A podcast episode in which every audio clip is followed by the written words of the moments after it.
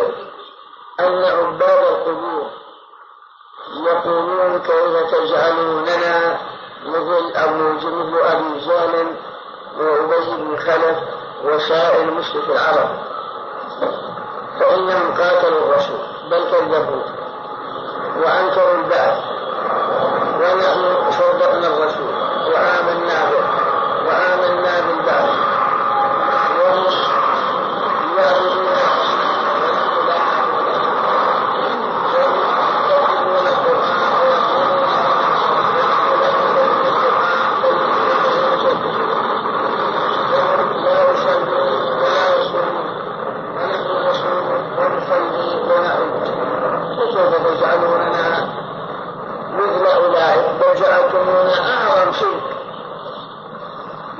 في الأولين مع وجود الفارق بيننا وبينهم.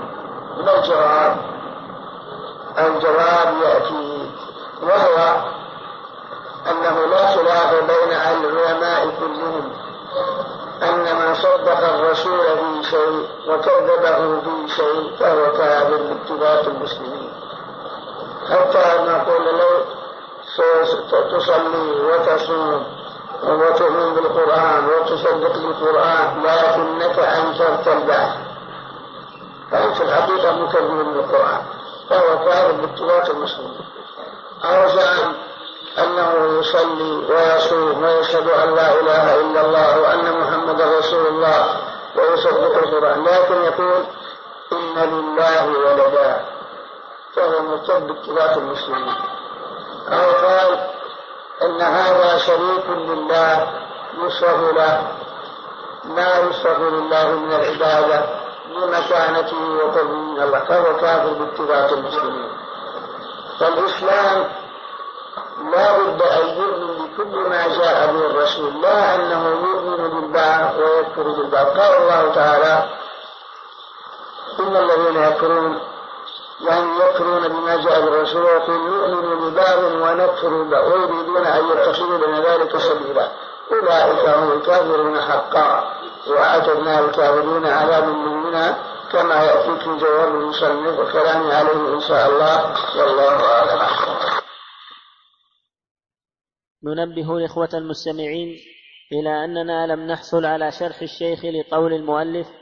فالجواب أن لا خلاف بين العلماء كلهم إلى آخره إلى قوله ذكرها بعض أهل الأحساء في كتابه الذي أرسله إلينا.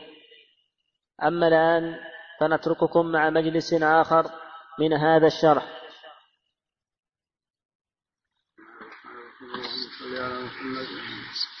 قال رحمه الله تعالى ويقال أيضا إذا كنت تقر ان من صدق رسوله في كل شيء وجحد وجوب الصلاة وهو كاره حلال الدم والمال بالاجماع وكذلك إذا أقر بكل شيء إلا البعث وكذلك لو جحد وجوب صوم رمضان وصدق بذلك كله لا تختلف لا تختلف المذاهب فيه. وقد نطق به القرآن كما كما قدمنا المعلوم أن التوحيد هو أعظم فريضة جاء جاء بها النبي صلى الله عليه وسلم. وهو أعظم من الصلاة والزكاة والصوم والحج وكذا كيف إذا جحد الإنسان شيئا من هذه الأمور كفر ولا عمل بكل ما جاء به الرسول صلى الله عليه وسلم. وإذا جحد التوحيد الذي يؤدي الرسل كلهم لا يقول سبحان الله ما أعجب هذا الجهل.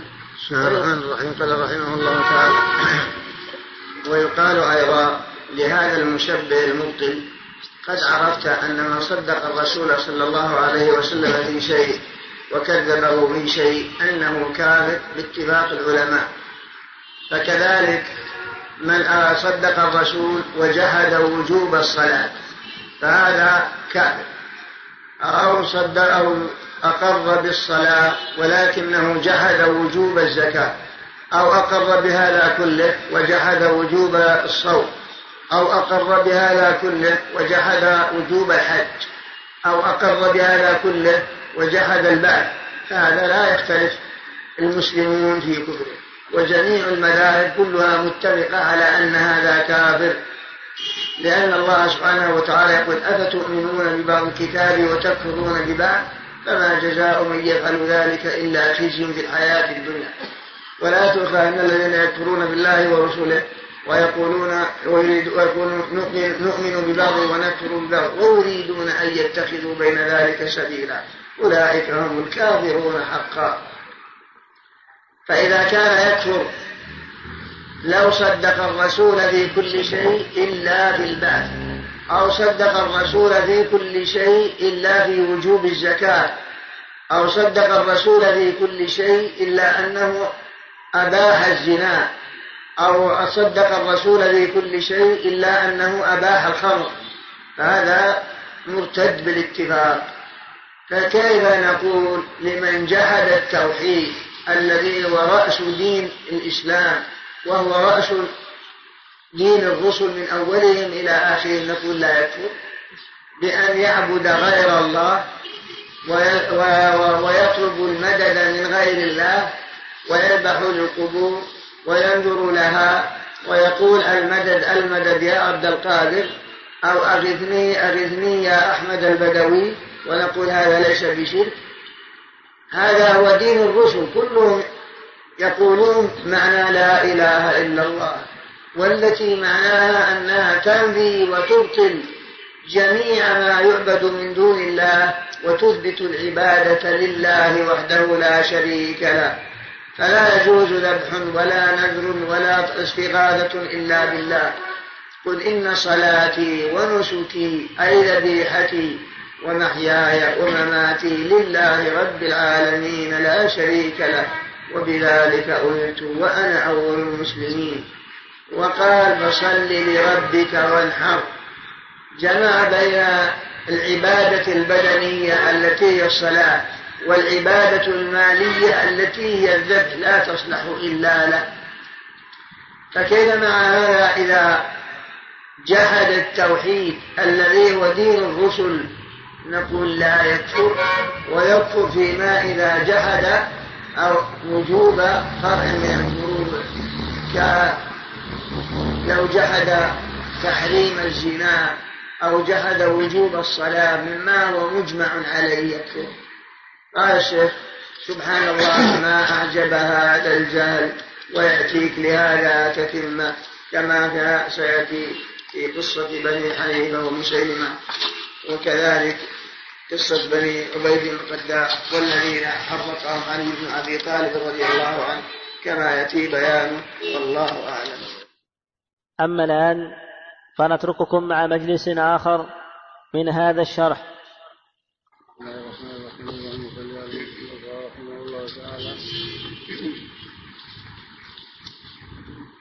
ويقال أيضا هؤلاء أصحاب رسول الله صلى الله عليه وسلم قاتلوا بني حنيفة وقد أسلموا مع النبي صلى الله عليه وسلم وهم يشهدون أن لا إله إلا الله وأن محمدا عبده ورسوله ويؤذنون ويصلون.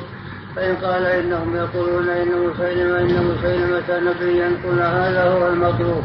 إذا كان من رفع رجلا إلى رفة النبي صلى الله عليه وسلم كفر وحل دمه وحل ماله ودمه ولم تنفع الشهادتان ولا الصلاة فكيف بمن رفع شمسان أو يوسف أو أو صحابيا أو نبيا إلى رتبة جبار السماوات والأرض؟ سبحان الله ما أعظم شأن كذلك يطبع الله على قلوب الذين لا يعلمون. بسم الله الرحمن الرحيم. قال رحمه الله تعالى ويقال أيضا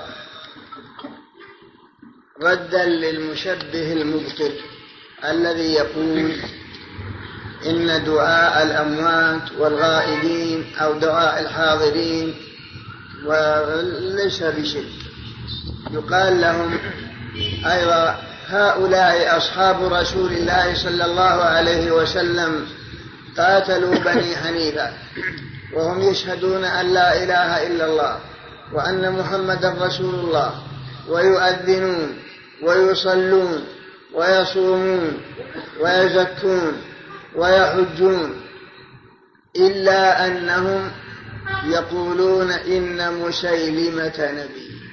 فقط ومع هذا كفرهم الصحابة وقاتلوهم فلم تنفعهم شهادتهم أن لا إله إلا الله ولا شهادتهم أن محمدا رسول الله ولم تنفعهم صلاتهم ولا زكاتهم ولا صومهم ولا حجهم بل أبطلوا هذا كله بقولهم إن مسيلمة شريكا للرسول في الرسالة. فإذا كان هذا حالة من رفع رجلا في رتبة الرسول فما ظنك في من رفع رجلا في رتبة جبار السماوات والأرض؟ ألم يكن هذا أولى بالكفر وأولى بالقتال؟ وذلك مثل يوسف وشمسان وأمثالهما في نجد. فإنه في دعوة قبل دعوة الشيخ المؤلف كان هناك رجل يقال له شمسان وآخر يقال له يوسف. يعتقد الناس فيهم الألوهية وأنهم يعلمون الغيب ويعتقدون أن لهم تأثيرا. ويأتونهم من كل مكان يسألونهم عن المغيبات.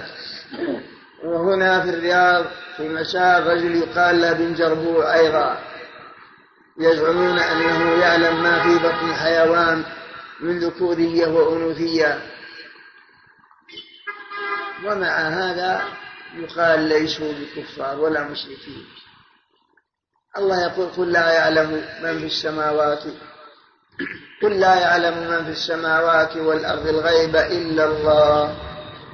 وهؤلاء يدعون علم الغيب المستقبل وهؤلاء يزعمون أنهم يكشفون الضرر ويجلبون النفع وجعلوهم في رتبة جبار السماوات والأرض. والصحابة كفروا من جعل مسيلمة في رتبة النبي بل شريكا للنبي. ومع هذا كفروا. فكيف لا يكفر من جعل رجلا في رتبة الله سبحانه وتعالى وصرف له محض حق الله؟ سبحان الله ما أعظم شأنه. كذلك يطبع الله على قلوب الذين لا يعلمون. هذا من جملة الأجوبة التي أجاب بها المصنف عما يقوله المشركون في زمانه وهو أنهم يقولون كيف تجعلوننا مثل المشركين الأولين؟ ونحن نشهد أن لا إله إلا الله وأن محمد رسول الله ونصوم ونصلي ونزكي ونحج ونؤمن بالقرآن. تجعلوننا مثل المشركين الأولين. أجاب الشيخ بما تقدم أنه لا خلاف بين العلماء كلهم أن من صدق الرسول في شيء وكذبه في شيء فهو كافر بإجماع المسلمين. والقرآن قد نطق بهذا ثم انتقل من هذا الجواب إلى جواب آخر. ان قال إن كل مذهب ذكروا في كتبهم باب حكم المرتد. فما نفعت صلاتهم ولا زكاتهم ولا صومهم ولا حجهم ولا شهادتهم أن لا إله إلا الله ولا شهادتهم أن محمدا رسول الله. وهم يقولون مثلا إن الزنا مباح أو أن الخمر مباح. بخلاف لو فعلوه معتقدين تحريمه لا يكفرون بل هم عصاة مجرمون. لكن الذي يعتقد إباحته ولو لم يفعله فهو كافر مرتد باتفاق العلماء. ثم أخذ يستدل على صنيعهم بأن بني حنيفة يشهدون أن لا إله إلا الله وأن محمد رسول الله ويؤذنون ويصلون ويصومون ويحجون. ومع هذا قاتلهم الصحابة. قلت له لما قاتلهم الصحابة؟ واستحلوا دماءهم وأموالهم؟ الخصم يقول لك لأنهم قالوا إن مسيلمة نبي. قل أنت. قاتلهم لأجل هذا؟ قال نعم. وهل يكفرون لأجل هذا؟ سيقول لك نعم. وكيف يكفرون إذا رفعوا رجلا في رتبة النبي ولا يكفرون إذا رفعوا رجلا في رتبة جبار السماوات والأرض. بل هذا أولى بالكفر. سبحان الله ما أعظم شأنه. كذلك يطبع الله على قلوب الذين لا يعلمون. والله أعلم. أما الآن فنترككم مع مجلس آخر من هذا الشرح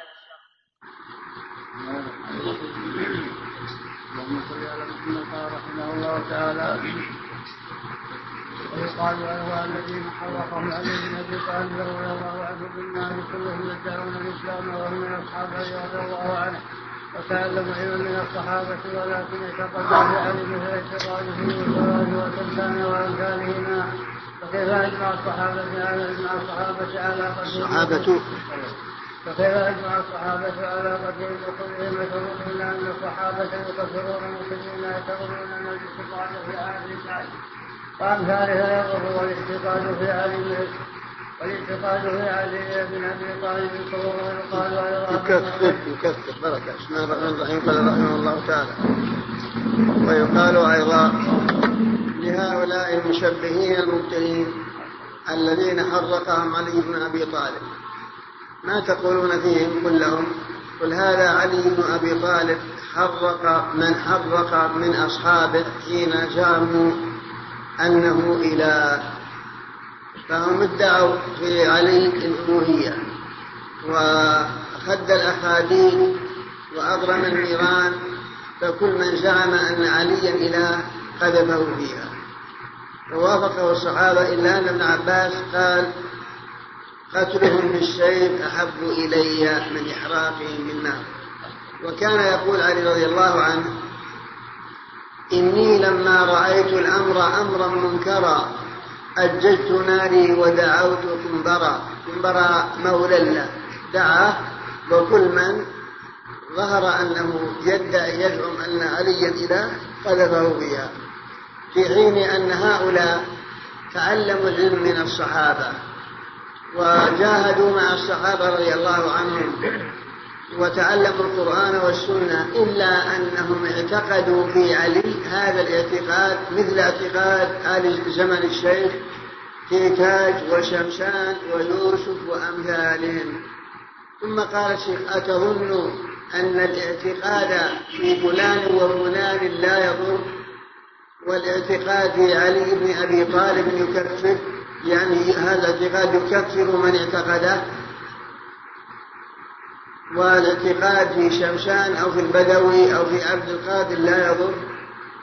هذا من الضلال. كل هذه أجوبة للشبهة السابق بيانها حيث يقولون كيف تكفروننا ونحن قوم نشهد أن لا إله إلا الله وأن محمد رسول الله ونصلي ونصوم ونزكي ونحج ونؤمن بالقرآن. كيف جعلتمونا مثل المشركين الأولين؟ تجيبهم بهذه الأجوبة الكثيرة قائلا لهم لا خلاف بين العلماء كلهم أن من صدق الرسول في شيء وكذبه في شيء أنه كافر إجماعا. وتقول لهم أيضا الجواب الآخر أن الرسول صلى الله عليه وسلم دعا الناس إلى التوحيد وقد ذكر أهل العلم أن من ترك الصلاة يكفر أو جحد وجوب الزكاة يكفر أو جحد وجوب الصوم يكفر ولو فعلها فما ظنك بمن جحد رأس الدين الذي هو التوحيد والذي جاءت به الرسل لا يكفر. ثم الجواب الآخر تقول لهم هؤلاء بنو حنيفة يشهدون أن لا إله إلا الله ويشهدون أن محمد رسول الله ويؤذنون ويصلون ويصومون ويزكون ويحجون ويتصدقون إلا أنهم يقولون إن مسيلمة نبي. ومع هذا كفروا فما نفعهم؟ تلك الشهادة مثلكم أنتم تقولون نشهد أن لا إله إلا الله لكنكم تعبدون الخلود تذبحون لها وتنذرون أبطلتم عملكم هذا كله. وجواب آخر تقول هذا علي حرق هؤلاء الذين زعموا في علي الألوهية وهم قوم تعلموا العلم من الصحابة وعاصروا الصحابة. يصلون يزكون يؤذنون يحجون يؤمنون بالقرآن يجاهدون إلا أنهم ادعوا في علي الألوهية. ومع هذا كفرهم وأحرقهم بالنار. بسبب مقالتهم أتظن أن من دعا البدوي أو دعا عبد القادر أو السيدة زينب أو الحسين أو السيدة نفيسة وقال المدد المدد أغثني أغثني لا يكفر يعني من اعتقد في علي يكفر ومن اعتقد في غير لا يكفر. هذا هو الضلال ثم تأتي بقية الأجوبة عن هذه الشبهة مع أن ما أقره المصنف كافي وافي شافي في رد شبههم لكن هذا مزيد بسط منه رحمه الله والله أعلم. أما الآن فنترككم مع مجلس آخر من هذا الشرح.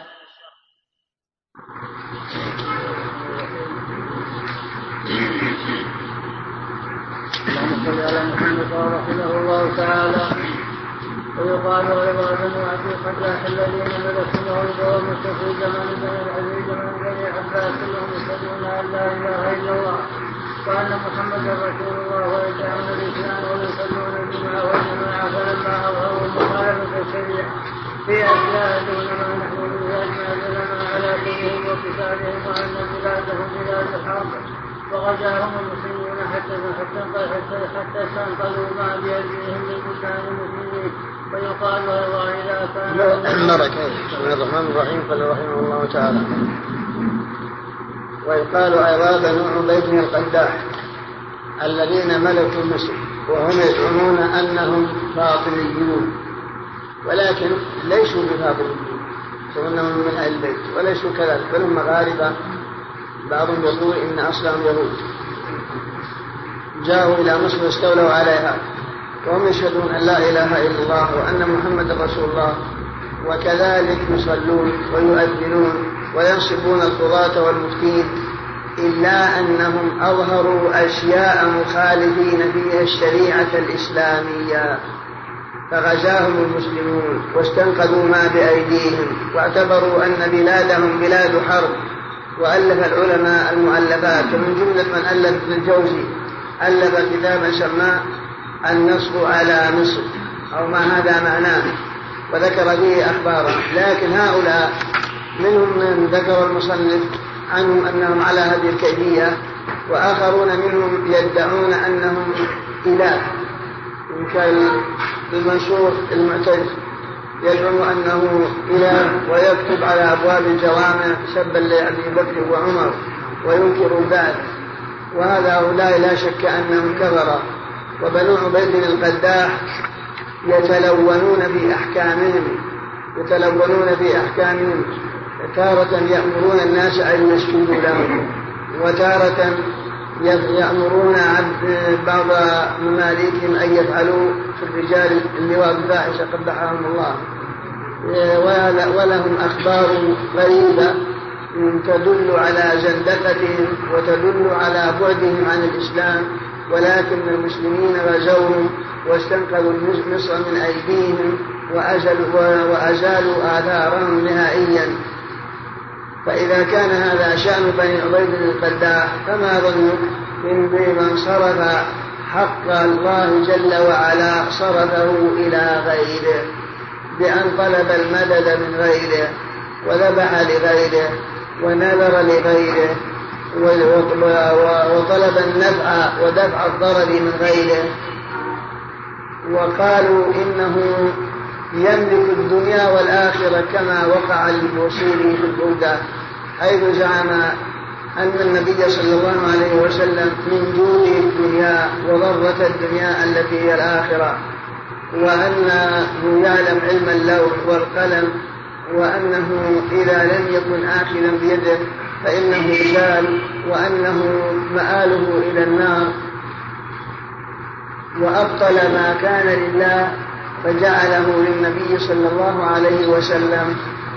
ومع هذا يقول هذا القول وله من يؤيده ومن يأخذ بقوله حيث عطلوا الرب وصرفوا محض محض حقه لغيره. فهؤلاء أولى بالكفر والشرك بأن يطلق عليهم بأنهم مشركون. أولى من شرك الأولين الذين بعث بهم النبي صلى الله عليه وسلم. وهذه كلها أدلة على ما قرر المصنف كما تقدم بيانه والله أعلم. أما الآن فنترككم مع مجلس آخر من هذا الشرح. بسم الله الرحمن الرحيم. اللهم صل على محمد رحمه الله تعالى. ويقال أيضا إذا كان الأولون يكفروا إلا لأنهم جمعوا بين الشرك وتكذيب الرسول صلى الله عليه وسلم القرآن. فإنكار البعث وغير ذلك فما معنى الباب الذي ذكر العلماء في كل مذهب باب حكم المرتد وهو المسلم الذي يكفر بعد إسلامه الذي يكفر المسلم الذي يكفر بعد إسلامه ثم ذكروا أنواعا كثيرة كل نوع منها يكفر ويحل دم الرجل وماله. حتى أنهم ذكروا أشياء يسيرة عند من فعلها. مثل كلمة يذكرها بلسان دون قلبه أو كلمة يذكرها على وجه النجاح واللعب. بسم الله الرحمن الرحيم. قال رحمه الله تعالى ويقال أيضا ردا للشبهة السابقة الذين يقولون كيف تجعلوننا مثل المشركين الأولين؟ ونحن نشهد أن لا إله إلا الله. المعنى لو قال لك إنسان ممن يعبد القبر ويذبح له قلت يا أخي هذا شرك. قال لك يا أخي أنتم تكفرون الناس على غير بصيرة. نحن نشهد أن لا إله إلا الله ونشهد أن محمدا رسول الله ونؤذن ونصلي ونصوم ونحج ونقرأ القرآن ونؤمن بالبعث. كيف تجعلوننا مثل أناس لا يشهدون أن لا إله إلا الله ولا أن محمدا رسول الله ولا يصدقون القرآن بل يقولون إنه سحر. وينكرون البعث تجعلوننا مثل أولئك. تجيبهم بما تقدم. تقول لهم أولا أنتم صرفتم محض حق الله لغيره والله يقول في من آمن ببعض وكفر ببعض أنهم كفار قال أولئك هم الكافرون حقا. يقولون نؤمن ببعض ونكفر ببعض ويريدون أن يتخذوا بين ذلك سبيلا. أولئك هم الكافرون حقا. لا ينفعك أنك تؤمن بالبعض وتجحد البعض سواء بسواء. فإن الذبح مثلا والدعاء لا يصلح إلا لله. قل إن صلاتي ونسكي. فجمع بين الصلاة والنسك. هذه عبادة بدنية أي الصلاة وهذه عبادة مالية أيضا. أقول إن صلاتي ونسكي ومحياي ومماتي لله رب العالمين لا شريك له وبذلك أمرت وأنا أول المسلمين. ثم أيضا تجيب أن من صدق الرسول في شيء وكذبه في شيء أنه يكفر. ثم تجيب أيضا بأن بني حنيفة يشهدون أن لا إله إلا الله إلى آخره إلا أنهم يقولون إن مسيلمة نبي ومع هذا كفرهم الصحابة. ثم تجيب تقول إن قوما كانوا مع النبي صلى الله عليه وسلم في غزوة تبوك وكانوا ما جعل بعضهم يقول ما رأينا مثل قرائنا هؤلاء أرغب بطونا. ولا أكذب ألسنا ولا أجبن عند اللقاء. يعنون بذلك رسول الله. فأنكر عليهم عوف بن مالك فقال لأخبرن رسول الله. فذهب ليخبر الرسول فوجد القرآن قد سبقه. جاءوا معتذرين. يا رسول الله إنما كنا نخوض ونلعب ونتحدث ونتحدث حديث الركب. نقطع به عن الطريق. فأنزل الله ولئن سألتهم ليقولن إنما كنا نخوض ونلعب. قل أب الله وآياته ورسوله كنتم تستهزئون. وهم يقول إنما كنا نخوض ونتحدث حديث الركب نقطع به عن الطريق. والرسول يقول أب الله وآياته ورسوله كنتم تستهزئون.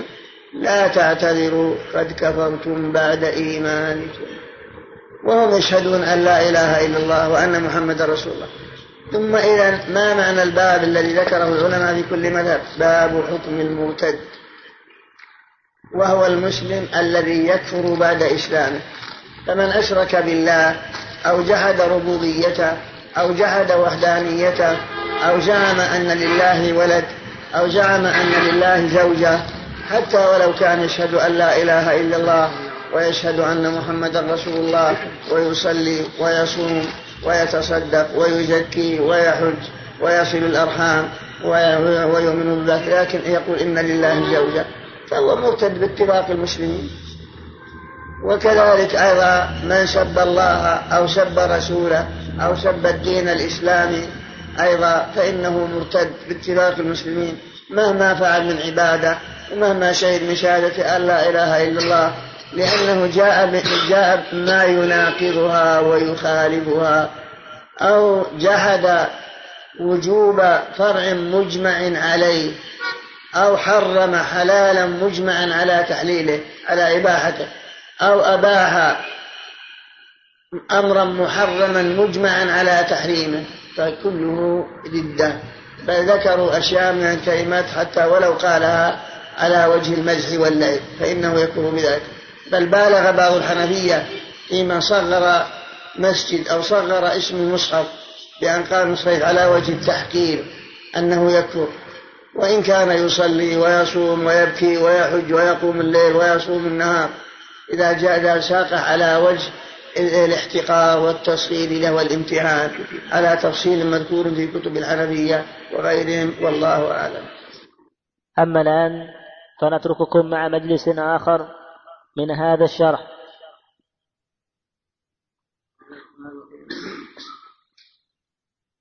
الله تعالى ويقال قال الله القيم تكلم على غسل الجمعة وقال إن غسل الجمعة مؤكد بل هو آكد من الوضوء من مس الذكر.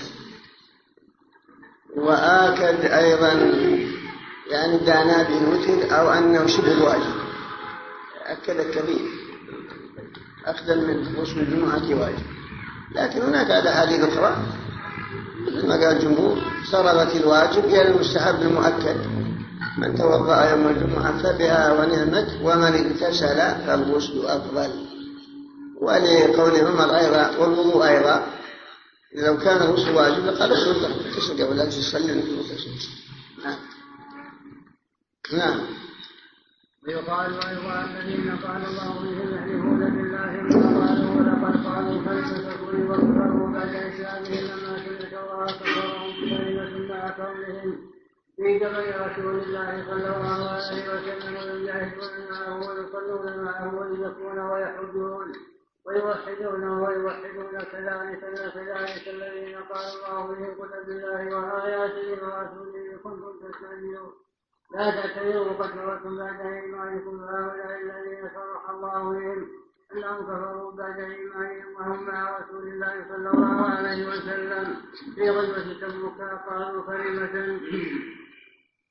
ذكروا أنهم قالوا هذا وجه المجد فتأمل هذه كبار قولهم يكفرون من المسلمين أناس يشهدون أن لا إله إلا الله ويصلون ويصومون ثم تأمل جوابها فإنهم من أنفع فإنه من أنفع هذه الأوراق. بسم الله الرحمن الرحيم. قال رحمه الله تعالى ويقال أيضا المشبه المبطل.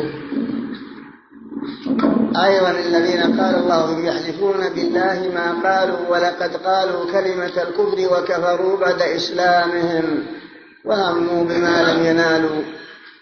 المعنى أن هؤلاء يشهدون أن لا إله إلا الله وأن محمد رسول الله ويصلون ويصومون ويزكون ويجاهدون مع النبي صلى الله عليه وسلم ومع هذا كفروا بسبب كلمة قالوها زعموا أنهم قالوها على وجه المزح واللعب وما كفر بهذا. وذلك أيضا قولهم في غزوة تبوك ما رأينا مثل قرائنا هؤلاء أرغب بطونا ولا أكذب ألسنا ولا أجبن عند اللقاء. يعنون بذلك رسول الله صلى الله عليه وسلم وأصحابه. فذهب عوف بن مالك ليخبر الرسول بما قال هؤلاء فوجد القرآن قد سبقه. نزل عليه. جاء هؤلاء المازحون على حد زعمهم يحلفون بالله أنهم ما قالوها إلا أنهم يقطعون بها عنهم الطريق ويتحدثون حديث الركب. وقال عوف بن مالك كأني أنظر إلى أحدهم وهو متعلق بنسعة ناقة رسول الله صلى الله عليه وسلم وإن الحجارة لتنكب رجليه. وهو يقول لهم أب الله وآياته ورسوله كنتم تستهزئون ما يلتفت إليه ولا وما يزيده عليه. أنزل الله لا تعتذروا قد كفرتم بعد إيمانكم.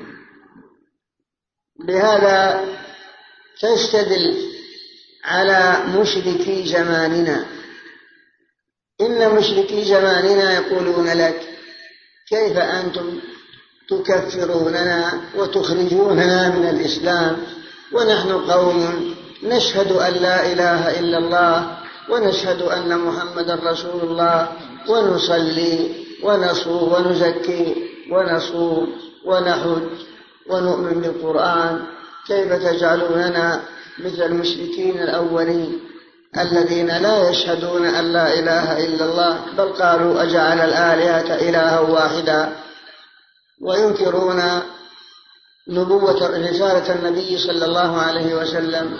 بيننا وبينهم فرق تجيبهم بهذه الأجوبة. تقول لهم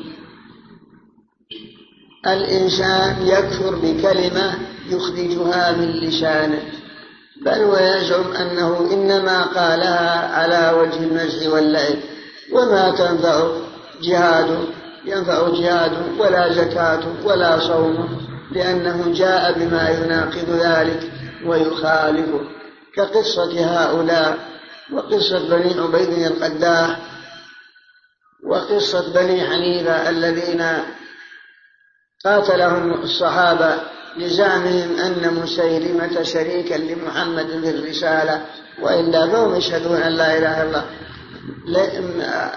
مثل هؤلاء ومثل أيضا الذين حرقهم علي ومثل أيضا من آمن بجميع ما جاء في القرآن والسنة إلا أنه جحد التوحيد بأن ذبح أو نذر أو طلب المدد من غير الله أو استنجد بأصحاب القبور. وما أشبه ذلك فإنه بفعله هذا أبطل شهادة أن لا إله إلا الله لأنه جاء بما يناقضها ويخالفها. وهذا القرآن يقول لا تعتذروا قد كفرتم بعد إيمانكم إن نعفو عن طائفة منكم نعذب طائفة بأنهم كانوا مجرمين. وهذا الذي عفى الله عنه قالوا إنه ابن حمير مخشي بن حمير لأنه سكت ولكن أنكر بقلبه وقال قعد بي اسمي واسم أبي. إن نعفو عن طائفة منكم نعذب طائفة بأنهم كانوا مجرمين والله أعلم. أما الآن فنترككم مع مجلس آخر من هذا الشرح. بسم الله الرحمن الرحيم. اللهم صل على محمد. قال رحمه الله تعالى ومن الدليل على ذلك أيضا ما حكى الله تعالى عن بني إسرائيل مع إسلامهم وحلمهم وصلاحهم أنهم قالوا لموسى اجعل لنا الها كما لهم عادات وقوله ناس من الصحابة اجعل لنا ذات انواط ذات ذات. اجعل لنا ذات انواط فحلف رسول الله صلى الله عليه وسلم أن هذا مثل قول بني إسرائيل. أن هذا مثل قول بني إسرائيل من موسى اجعل لنا الها ولكن للمشركين شبهة. يقصدون بها عند هذه القصة. يكفي. بسم الله الرحمن الرحيم. قال رحمه الله تعالى ومن الدليل على ذلك ما حكى الله سبحانه وتعالى عن بني إسرائيل مع علمهم وصلاحهم أنهم قالوا لموسى عليه السلام اجعل لنا إلها كما لهم آلهة. وكذلك أناس من الصحابة قالوا يا رسول الله اجعل لنا ذات أنواط كما لهم ذات أنواط فحلف رسول الله صلى الله عليه وسلم أن قولهم مثل قول بني إسرائيل بأن قال قلتم والذي نفسي بيدك كما قالت بنو إسرائيل لموسى اجعل لنا إلها كما لهم آلهة قال إنكم قوم تجهلون إن هؤلاء متبر ما هم فيه وباطل ما كانوا يعملون قال أغير الله أبغيكم إلها وهو فضلكم على العالمين. هذا الحديث هو حديث واقد أبي واقد من الليثي. رواه الترمذي وغيره. ولفظه قال خرجنا مع رسول الله صلى الله عليه وسلم يوم حنين ونحن حدثاء عهد بكفر. قال وللمشركين سدرة يأخذون عندها وينوطون بها أسلحتهم. يعني لهم سدرة يجلسون عندها رجاء خيرها وبركتها أي تلك السدرة ويعلقون عليها أسلحتهم. قال أبو واقد فمررنا بسدرة في بعض الروايات خضراء فقلنا يا رسول الله اجعل لنا ذات أنواط كما لهم ذات أنواط اجعل لنا ذات أنواط ناكف عندها ونعلق عليها أسلحتنا كما للمشركين ذات أنواط فقال رسول الله صلى الله عليه وسلم الله أكبر إنها السنن. أي الطرق. قلتم والذي نفسي بيده كما قالت بنو إسرائيل لموسى اجعل لنا إلها كما لهم آلهة. قال إنكم قوم تجهلون لتركبن سنن من كان قبلكم. هل الكذة بالكذة رواه الترمذي وصححه. المعنى أن الرسول كبر الله وعظمه حينما طلب هؤلاء الصحابة وهم حديثو عهد بالإسلام بأن يجعل لهم هذه الشجرة شجرة من سدر ذات أنواط يعلقون عليها أسلحتهم رجاء خيرها وبركتها. فحلف صلى الله عليه وسلم وهو الصادق ولو لم يحلف بأن طلبتهم تلك هي مثل قول بني إسرائيل لموسى اجعل لنا إلها. فشبه الطلبة بالطلبة وهم لم يقولوا اجعل لنا إلها أبدا إنما قالوا اجعل لنا ذات أنواط. فالصحابة حديثوا عهد بالإسلام قالوا اجعل لنا ذات أنواط لم يقولوا اجعل لنا إلها. كما لهم ذات أنواط قال الرسول الله أكبر إنا سنقلت والذي نفسي بيدك كما قالت بنو إسرائيل اجعل لنا إلها. إيش استفدنا من هذا؟ استفدنا من هذا أن العبرة بالحقائق لا بالمسميات. فما دام أنهم يرجون بركة هذه الشجرة ويرجون خيرها فقد اتخذوها إلها لأن الرسول قال لهم قلتم والذي نفسي بيدك كما قالت بنو إسرائيل اجعل لنا إلها. وهم لم يقولوا اجعل لنا إلها إنما قالوا اجعل لنا ذات أنواع بهذا تعرف أن من استنجد بالقبور وذبح لها وطلب المدد منها وطاف بها قائلا الغوث الغوث يا حسين أو المدد المدد يا أحمد البدوي. أنه جعله إلها. شاءوا أم أبوا. لأن هذا لا يصلح إلا لله. فالرسول شبه طلبة هؤلاء حيث قالوا اجعل لنا ذات أنواط بأنهم قالوا اجعل لنا إلها. شبه الطلبة بالطلبة وإن اختلف اللفظ. لكن الرسول اعتبر الحقائق. دون المسميات اعتبر الحقائق. وفيه دليل على أن هذه الأمة لا بد وأن يقع فيها شرك في كل حال. هذه الأمة لا بد أن يقع فيها شرك لأن النبي صلى الله عليه وسلم قال لتتبعن سنن من كان قبلكم. وقد قال البخاري في صحيحه باب تغير الزمان حتى تعبد الأوثان. باب تغير الزمان حتى تعبد الأوثان. ثم ساق بسنده عن أبي هريرة أن النبي صلى الله عليه وسلم قال لا تقوم الساعة حتى تضطرب آيات نساء دوس عند الخلصاء فهذا يدل على أن الشرك لا بد يقع في هذه الأمة بكل حال مثل ما وقع في الأمم قبلها. بل قال الرسول عند وفاته لعنة الله. على اليهود والنصارى اتخذوا قبور أنبيائهم مساجد يحذروا ما صنعوا. مع قوله لتتبعن سنن من كان قبلكم. مع قوله قلتم والذي نفسي بدي كما قالت بنو إسرائيل لموسى اجعل لنا إلها كما لهم آلهة. بقي هنا سؤال قد, قد يقول لنا قائل أنتم تقولون إن هذه الأمة يقع فيها شرك. والرسول صلى الله عليه وسلم كما في صحيح مسلم جاء في الحديث إن الشيطان أيس أن يعبد في جزيرة العرب. إن الشيطان أيس أن يعبد في جزيرة العرب. وأنتم تقولون إن الشرك أنا أقول لك نعم الشرك لا بد أن يقع في هذه الأمة كما دلت عليه الأحاديث. والجواب عن هذا إن الشيطان أيس ليس فيه أن الله هو الذي أيسه بل هو لما رأى الإسلام انتشر ورأى أن الناس جعلوا يدخلون في دين الله أفواجا وأسلمت قبائل العرب. أيش أن يعبد في جزيرة العرب؟ ولا من وليس بالحديث أن الله هو الذي أيش وهذا مثل قوله تعالى اليوم يئس الذين كفروا من دينكم لأن الله أتم النعم يعني أيس أن ترجعوا إلى دينهم وأن توافقوا اليوم يئس الذين كفروا من دينكم فلا تخشوا مخشوني اليوم أكملت لكم دينكم وأتممت عليكم نعمتي ورضيت لكم الإسلام دينا والله أعلم.